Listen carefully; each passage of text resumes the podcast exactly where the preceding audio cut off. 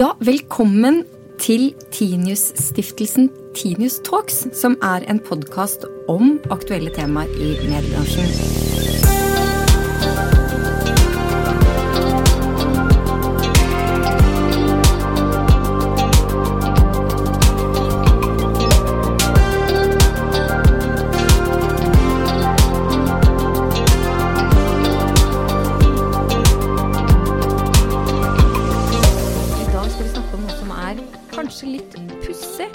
Likevel står helt sentralt i medieøkonomien, nemlig spørsmålet om merkevarer og merkevarenes framtid. Og til å diskutere det, så har jeg med meg Susanne Kalutza, som nå er administrerende direktør i Ski, men som har en bred mediebakgrunn, og senest kom fra Trigger. Og Marius Karlsen, som er daglig leder i Helt Digital, Eh, og digital rådgiver er du også. Og dessuten halvpart av en ikke ukjent podkast som heter Mediapuls. Ja, hallo. Hei. Ja. Og jeg heter Kjersti Løken Stavrum og er direktør i stiftelsen Tinius. Og jeg syns det hadde vært morsomt å begynne rett og slett med definisjonen. Altså hva er merkevarer i dag? Hva er merkevarer i dag? Eh, merkevarer er jo en eh, gjenkjennelseseffekt. Det at folk føler de kjenner deg. Eh, og det er ikke egentlig noe mer hokus pokus enn at eh, eh, hvis du skal beskrive en eh, venn, så vil du bruke tre ord på å beskrive han eller hun. Nei, hun er pratsom, varm og utadvendt. Eh, og det samme kan man da si om merkevarer man kjenner. Så vil man ha noen konnotasjoner knyttet til f.eks. Eh, Nettavisen er kanskje en litt eh, rabulist som liker å utfordre. Mens Aftenposten eh, er eh, mer konservative, troverdige vil man kanskje bruke, eh, osv. Så, videre. så det handler om eh, at du har en gjenkjennelighet. Er du enig, Marius? Er det er det? det? Er det gjenkjennelighet? Ja, det er, det, er selvfølgelig helt, eh, helt riktig. Er det, er jo både gjenkjennelighet, og så er det den her å ha en, en relasjon til, til merkevaren. For det er jo det vi ønsker, det at du skal ha en relasjon til, til oss, så at du velger oss når du skal kjøpe såpe, hvis det er såpe. Du, hvis, du er, hvis du er et såpemerke, eller om det er en avis, at du går til f.eks. VG, som har en veldig veldig sterk merkevare. Eh, Så har du andre medier som da sliter i mye større grad om å bruke andre sin merkevare for å distribuere, sånn type Facebook, at de går til andre plattformer for å distribuere innholdet sitt for å tiltrekke seg folk. Hvilken rolle vil logoene, merkevarene, hvilken rolle vil de spille for mediehusene framover? Hvis vi fortsetter den galeien hvor vi, som du slutta med å si, Marius, distribuerer innholdet vårt alle veier. Men det er klart at, at hvis du har et positivt, altså greier å bygge en positiv relasjon til en merkevare, så, så vil det ha betydning uansett hvilket produkt du skal selge, det, altså, også for et mediehus. Men det er klart det er jo kjempestore forskjeller fra de som skal selge som detaljprodukter, type som batteri, eh, til noen som skal selge journalistikk på den andre sida. Men det er en utfordring at vi vet når vi undersøker eh, hos leserne eller hos seerne eller lytterne hvor hørte du det her, eller hvor så du det her, hvor leste du det, så greier det ikke dem å gjenfortelle. Eh, det er akkurat sånn som de leste det i avisen før i tida. Eh, og de visste ikke hvilken avis de leste det i. Jeg så det på nett, sånn som eh, de sier nå. Men da har vi jo sett at det har vært lett, lettere for bloggere å slå seg opp, fordi de i mye større grad eh, lettere kan bygge seg en ekstremt tydelig merkevare. Dette er jeg, dette er den personligheten, dette er det du får hos meg, dette er det jeg står for. Da får du troverdighet innenfor akkurat den nisjen. Akkurat den nisjen, ja. Eh, og det er noe vi da har sett at eh, mediebransjen eh, de i mediebransjen som klarer seg bra, gjør mer av. Altså Fra i Norge har vi da et eksempel på Filter nyheter, så jeg synes er veldig gode på å ha en sånn tydelig tone of voice og en tydelig personlighet. I Amerika så ser vi at New York Times har gått bort ifra å ha eh, en redigeringspolicy på desk, hvor man eh, strømlinjeformer stemmen eh, til journalistene. Ja, for Susanne, du har jo levd et liv som blogger. Og når du da sier at det er lettere å bygge merkevarer som blogger, er det ikke bare deg selv? Altså, Er merkevarer blitt et ord vi bare drar med oss? Jeg får jo fullstendig angst når folk snakker om sånn merkevarebygging av meg og sånn. Da kjenner jeg at jeg får sånn oppkastfølelse bakerst i halsen eh, min. Det handler om personlighet, og det handler om å være deg selv. Og det samme gjelder egentlig for merkevarer eller for mediehus som for venner alles venn er ingens venn. Du kan ikke være en liksom sladre, sladreavis 10 av tiden, og så tro at du skal ha troverdighet 20 av tiden. ikke sant? Da får du en schizofren personlighet som veldig få liker.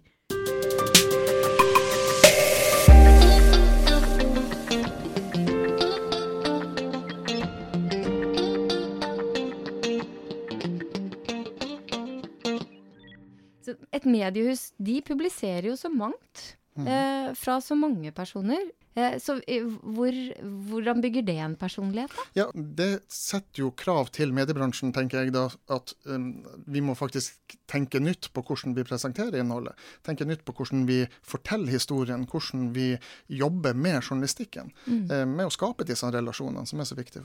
Og så kommer vi jo nå i full fart over på stemmestyrt mm. eh, mediebruk. Og da vet jeg jo da at du har eh, flyttet eh, inn sammen med Alexa. Ja, ja. jeg har fått et nytt familiemedlem. Fortell om livet med Alexa. Jeg kan bruke Alexa til å skru på uh, nattbordslampa mi, skru på dimme stuelampa, sette på den musikken jeg vil, og også da lese opp nyheter for meg. Og da kommer jo merkevarebyggingen igjen. og Da ble jeg presentert for de 40 uh, eh, ulike mediehusene som hadde Alexa-innhold for, uh, for nyheter.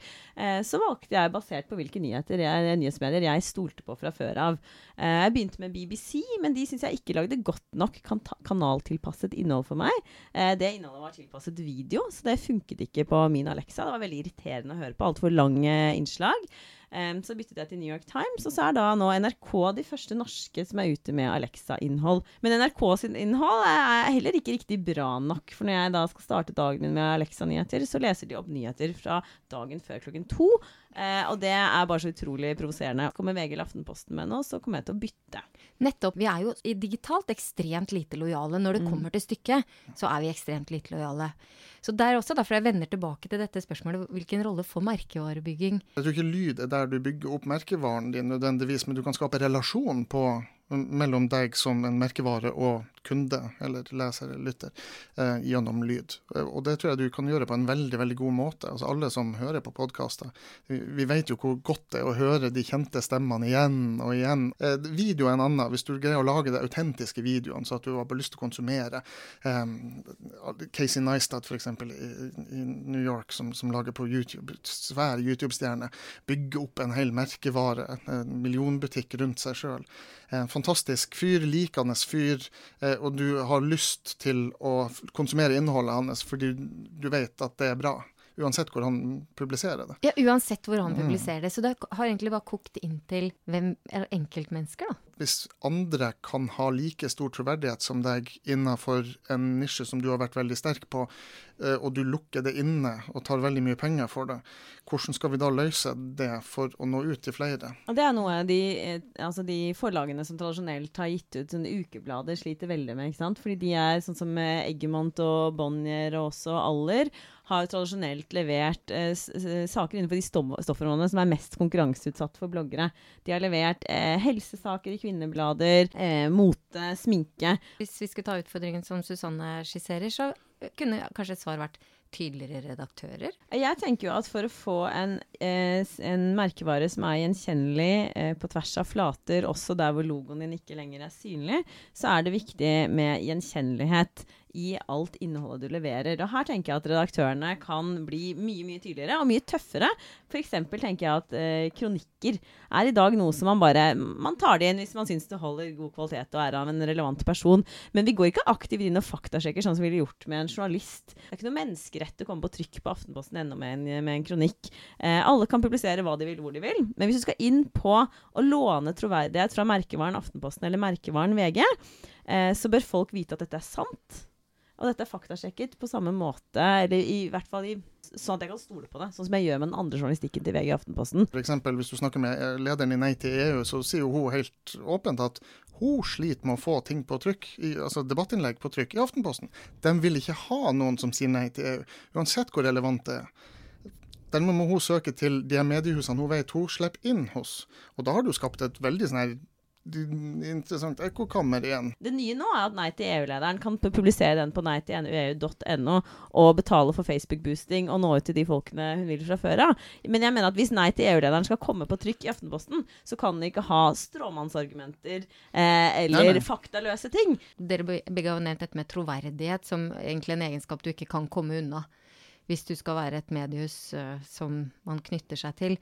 Uh, og da er det jo helt relevant i vår tid å snakke noe om innholdsmarkedsføring, eller den mm. nye typen reklame som, uh, som jo ikke alle skjønner at er reklame, eller som ikke alle forstår kanskje hva, hva er, da. Mm. Eller er vi allerede, har vi oppdratt leserne godt nok nå, så nå burde, burde de skjønne det? Ingen studier som viser at vi har oppdratt leserne godt nok eh, til at de ser forskjell på innholdsjournalistikk og, eh, og redaksjonell journalistikk, eh, dessverre. Eh, men dette handler jo om forretningsmodell, og så handler det om merkevaren. Hva som uthuler merkevaren, og hva som bygger merkevaren. Eh, jeg tenker at sånn som VG Partnerstudio, og også DN, som har bygget opp en ganske god innholdsmarkedsføringsavdeling, at når man lager noe stoff som er så godt eh, at det like så gjerne kunne vært skrevet eh, av VG Helg, f.eks., så er det noe som sannsynligvis styrker VGs merkevare hos folket.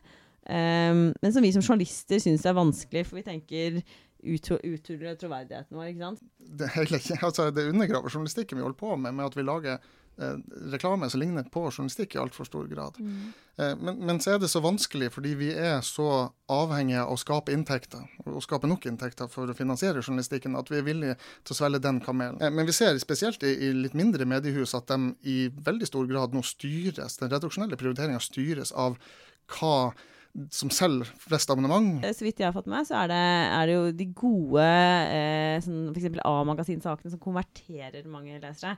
Men spørsmålet er hvis du først har betalt for noe eh, og blitt konvertert inn via en utrolig knakende god gravejournalistisk sak, og så er det du blir møtt med bak betalingsmuren, er utrolig mye sex- og samlivssaker. Hvor mange lesere blir værende eh, når, eh, når, den billigmåneden er over? Det handler om kontrakten du har med leseren, eh, hva, du har, hva, du har, kjøpt, hva du har blitt lovet, og gjenkjennelighet. Og, og, når det kommer til gjenkjennelighet og troverdighet og merkevarebygging, som er, det vi, som er utgangspunktet vårt, så en av de som er beste, er en av de liksom, som har holdt på lengst med dette, egentlig. Det er Se og Hør. For de har hatt en gjenkjennelig tone of voice eh, i alle år. Det har vært elleville jubelbilag eh, og smellvakre Dolly Parton eh, fra ende til annen. De har hatt en helt koherent skrivetid som du ville kjent igjen, uansett om det var Se og Hør-logo på det eller ikke. Og, og sydentur, sydentur, i plastflaske, så alle lokalavisene i hele ja. Norge skriver om. Så Marius, du pleier å være ganske konstruktiv og, og positivt mm. innstilt til ja, ja. mulighetene framover. Så hva tror du, hva tror du er liksom, på ikke så lang sikt. Ja, ja. Mulighetene for mediehusene, er det, er det, de logoene vi ikke lenger klarer å lese? For det er jo gammel skrift på mange av dem. Nei, men jeg abonnerer på The New York Times. Jeg bor i Tromsø, abonnerer på The New York Times gir ingen mening. For jeg har et kjempenært forhold til Michael Barbaro i The Daily. Jeg hører på podkasten hans hver jækla dag. Um, jeg, kan ikke få nok av dem. De har jo et helt, det er jo en kjempestor redaksjon som lager én podkast hver dag. Kjempegodt innhold, så gir meg så masse nytt. Um, jeg konsumerer ikke så mye av nyhetene deres på andre plattformer, men, men er den Jeg føler jeg har lyst til å støtte den. Tenk hvis du kunne lage og få et forhold til eh, seerne, lytterne, eh, leserne, så de har lyst til å gi deg penger, så at du kan gjøre det du liker best. Og Det, det er jo dit vi må. Eh, og jeg tror på, på hvis vi bruker de her verktøyene vi har i verktøyskrinet i dag, så kan vi komme en god vei på ja, komme dit. Så bra. Vi, da fikk jeg lyst til å bare slutte der, egentlig. Amen til det. Ja, takk skal dere ha for at dere kom.